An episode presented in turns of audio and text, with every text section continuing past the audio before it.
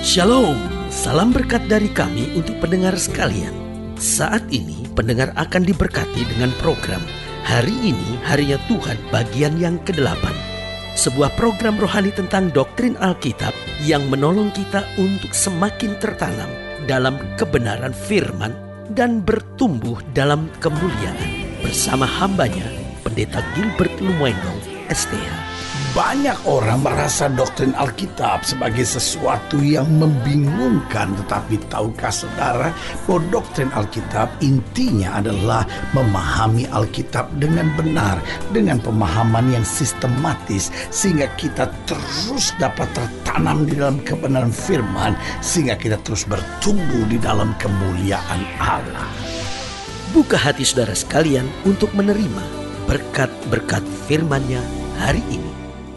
Kekudusan adalah salah satu topik di dalam kekristenan yang paling tidak menyenangkan, paling tidak mendatangkan gairah bagi jemaat. Karena mungkin jemaat lebih tertarik untuk mendengar khotbah tentang berkat, tentang mujizat, tentang Allah yang dahsyat, tentang janji-janji Allah yang disediakan, atau mungkin yang menarik-menarik seperti neraka, tentang akhir zaman, dan topik-topik tema-tema seperti itu dianggap bergairah, mendatangkan rasa ingin tahu, bahkan keinginan orang untuk mengalaminya.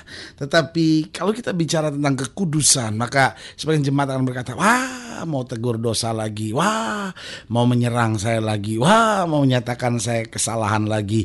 Lihat saudaraku yang kasih dalam Tuhan, sering kali kekudusan dianggap sebuah topik yang sangat tidak menarik. Tetapi tahukah saudara bahwa kunci dari segala sesuatu sering kali adalah kekudusan. Bagaimana rumah tangga itu bisa bahagia, yaitu jika rumah tangga itu mempertahankan kekudusan. Bagaimana berkat bisa mengalir dalam hidup kita, yaitu jika kita hidup di dalam kekudusan. Bagaimana jika kita mau menjalani hari-hari depan yang penuh kemenangan, yaitu jika kita jalani dengan kekudusan. Yosua berkata, kuduskan dirimu hari ini, maka besok kamu akan lihat perkara-perkara besar. Bahkan saudaraku yang kasih dalam Tuhan, bagaimana untuk kita menghadapi akhir zaman dengan penuh kemenangan, di mana setan tidak bisa berkuasa dalam hidup kita, yaitu kalau kita hidup dalam kekudusan. Karena saya terlalu percaya kekudusan adalah benteng. Orang yang hidup dalam kekudusan adalah orang yang aman, orang yang hidup dalam kekudusan. Setan tidak bisa menyerang apa pun dalam kehidupannya, karena kekudusan itu sendiri memberi kemenangan yang luar biasa dalam kehidupannya. Haleluya. Selamat datang dalam program kita hari ini harinya Tuhan, sebuah program rohani yang mengingatkan kembali kepada kita betapa pentingnya kita menjadikan firman Tuhan sebagai dasar keseharian hidup kita karena Selama kita menjadikan firman Tuhan sebagai dasar keseharian hidup kita, langkah-langkah ke depan kita menjadi langkah-langkah yang penuh dengan berkat, kemenangan, dan kepastian. Haleluya. Dan dalam program ini memang kita sedang membahas tentang hidup dalam kekudusan. Nah, saudara yang kasih dalam Tuhan, hidup dalam kekudusan adalah bagian tak bisa terpisahkan dalam kekristenan kita. Mengapa? Karena kalau kita mau jujur, hidup Kristen adalah hidup dalam peperangan. Kenapa kita hidup dalam peperangan? Karena kita memiliki musuh. Kita berkata lawan musuh iblis sama seperti singa yang berkeliling mencari orang yang dapat ditelannya. Nah, saudaraku yang kasih dalam Tuhan. Jadi ke mana pun kita pergi, setan berusaha untuk menyerang, setan berusaha untuk mengalahkan, dan bahkan setan berusaha untuk mengacaukan kehidupan kita. Tetapi kekudusan itu sendiri seperti saya sudah katakan tadi adalah benteng. Jadi waktu kita hidup dalam kekudusan, maka kita aman dari serangan kegelapan. Nah, bukan hanya kita aman dari serangan kegelapan waktu kita kudus, tapi waktu kita kudus juga kita akan dekat dengan Tuhan. Karena Alkitab jelas bilang, berbahagialah orang yang bersih hatinya karena orang yang seperti ini akan melihat Allah. Jadi orang yang kudus akan melihat Allah. Orang yang kudus akan berjalan kemenangan. Orang yang kudus yang akan melihat kuasa Allah terjadi nyata dalam kehidupannya. Berarti saudaraku yang kasih dalam Tuhan, penting sekali kita menekankan kehidupan kudus. Apa artinya sudah pergi ke gereja tiap minggu tapi tidak hidup dalam kekudusan? Apa artinya sudah pergi ke gereja? Apa artinya sudah baca Alkitab? Apa artinya sudah seorang suami yang baik terhadap istri, tapi di luar punya wanita lain, di luar pergi ke pelacur, di luar pergi kepada uh, tempat-tempat yang salah. Saudara yang kasih dalam Tuhan, apa yang terjadi? Engkau kelihatannya suami yang baik, engkau pandai bermain sandiwara, tetapi kalau istrimu tahu segala sesuatunya, istrimu akan tambah kecil kecewa dan sakit hati. Ternyata engkau hanya seorang munafik yang berkhianat. Saudaraku yang kasih dalam Tuhan, Tuhan mencari orang-orang yang mau bayar harga yang bernama kekudusan. Karena jika kita hidup dalam kekudusan, maka kita akan melihat kuasa Allah sungguh sangat luar biasa dalam hidup kita. Haleluya. Nah, dalam 1 Tesalonika 4, dalam 1 Tesalonika 4 itu yang sedang kita bahas hari ini dalam topik pembahasan kita tentang kekudusan ini dalam 1 Tesalonika 4 ayat yang pertama sampai ayat yang ketiga itu yang kita mau. Dikatakan demikian firman Tuhan 1 Tesalonika 4 ayat 1 sampai ayat yang ketiga. Akhirnya saudara-saudara kami minta dan nasihatkan kamu dalam Tuhan Yesus. Kamu telah mendengar dari kami bagaimana kamu harus hidup supaya berkenan kepada Allah. Hal itu memang telah kamu turuti, tetapi baiklah kamu melakukannya lebih bersungguh-sungguh lagi. Kamu tahu juga petunjuk-petunjuk mana yang telah kami berikan kepadamu atas nama Tuhan Yesus. Karena inilah kehendak Allah, pengudusanmu, yaitu supaya kamu menjauhi percabulan. Nah, saudaraku yang kasih dalam Tuhan ada kalimat menarik di ayat yang ketiga ini, karena inilah kehendak Allah, pengudusanmu. Jadi Paulus bicaranya satu kata penting di sini. Kalau kita mau bicara tentang akhir zaman, kalau kita mau bicara tentang kemuliaan, kalau kita mau bicara tentang kuasa, kalau kita mau bicara tentang berkat, kalau kita mau bicara tentang mujizat, maka jalan satu-satunya kehendak Allah untuk kamu harus jalani adalah pengudusan. Berarti Alkitab mau tekankan buat kita bahwa hidup Kristen kita harus adalah hidup di dalam kekudusan. Nah, ada banyak orang yang berkata, ya tapi kan kita ada dalam dunia yang cemar, kita ada dalam dunia yang uh, serba penuh dengan kejahatan, kita ada dalam dunia yang menganggap dosa itu biasa. Nah, bagaimana kita bisa hidup di dunia seperti ini, lalu hidup dalam kekudusan? Ada banyak orang berkata, oh itu sesuatu yang nggak mungkin, itu sesuatu yang mustahil. Nah, saudara gue yang kasih dalam Tuhan, saya percaya Allah adalah Bapak yang baik sebagai yang Bapak yang baik, dia pasti perintahkan sesuatu buat kita, yaitu sesuatu yang kita bisa kerjakan, sesuatu yang mampu kita kerjakan. Gak mungkin dia perintahkan sesuatu kalau kita gak mampu kerjakan. Itu sama seperti orang tua yang suruh anaknya berumur 3 tahun mungkin, nak genteng bocor, kamu naik ke atas, kamu perbaiki genteng. Soalnya gue yang kasih dalam Tuhan, anak umur 3 tahun ini gak mungkin bisa kerjakan sesuatu yang seperti bapaknya perintahkan itu. Kenapa? Karena terlalu berat buat dia. Dan bapak yang baik juga tidak mungkin, tidak mungkin, tidak mungkin akan beri perintah seperti itu.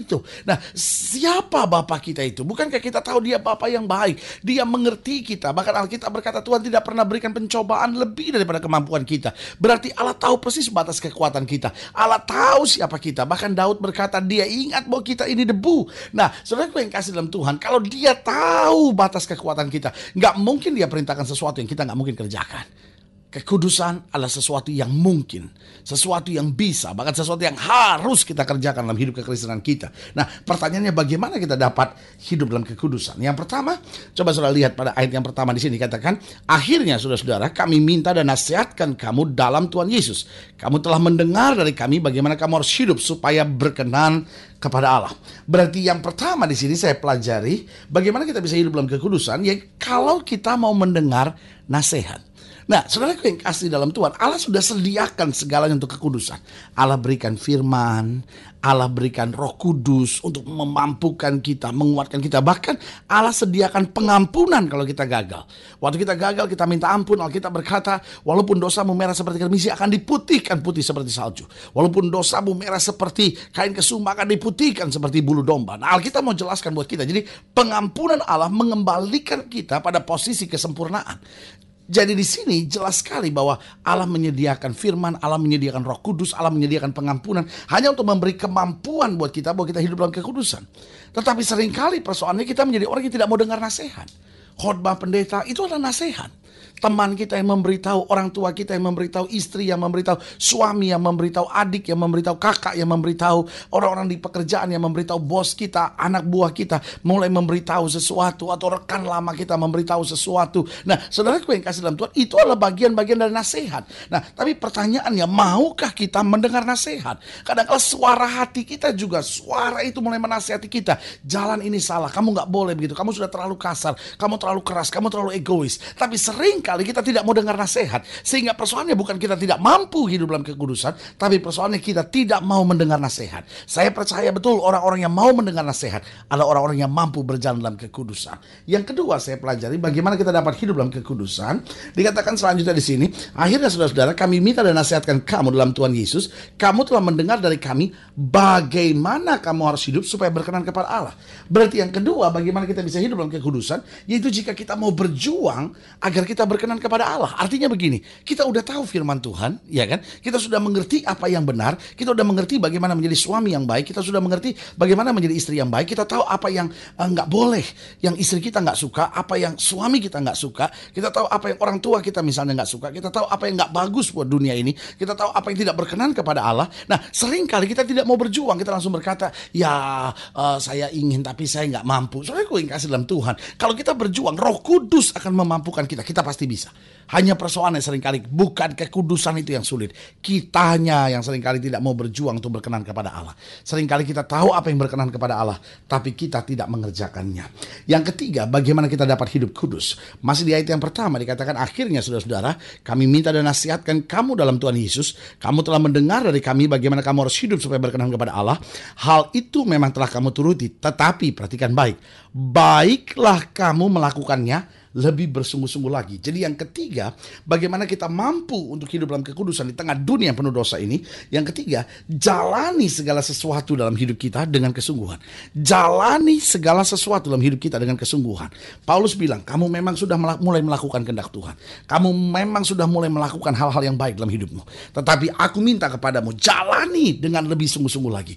Artinya apa? Artinya kita jangan cepat menyerah. Kadang-kadang kita berkata, aduh saya sudah berusaha, tapi selalu saya suami yang salah di hadapan istri saya. Selalu saya sudah berusaha tapi saya selalu istri yang keliru di depan suami saya. Lalu kita mulai menyerah. Nah, saudara yang kasih dalam Tuhan, setan ingin sekali kita menyerah. Karena waktu kita menyerah, kita nggak akan pernah berjuang lagi. Waktu kita menyerah, berarti kita nggak mau taat lagi. Waktu kita menyerah, berarti kita tidak lagi berpikir bagaimana kita hidup dalam kehendak Allah.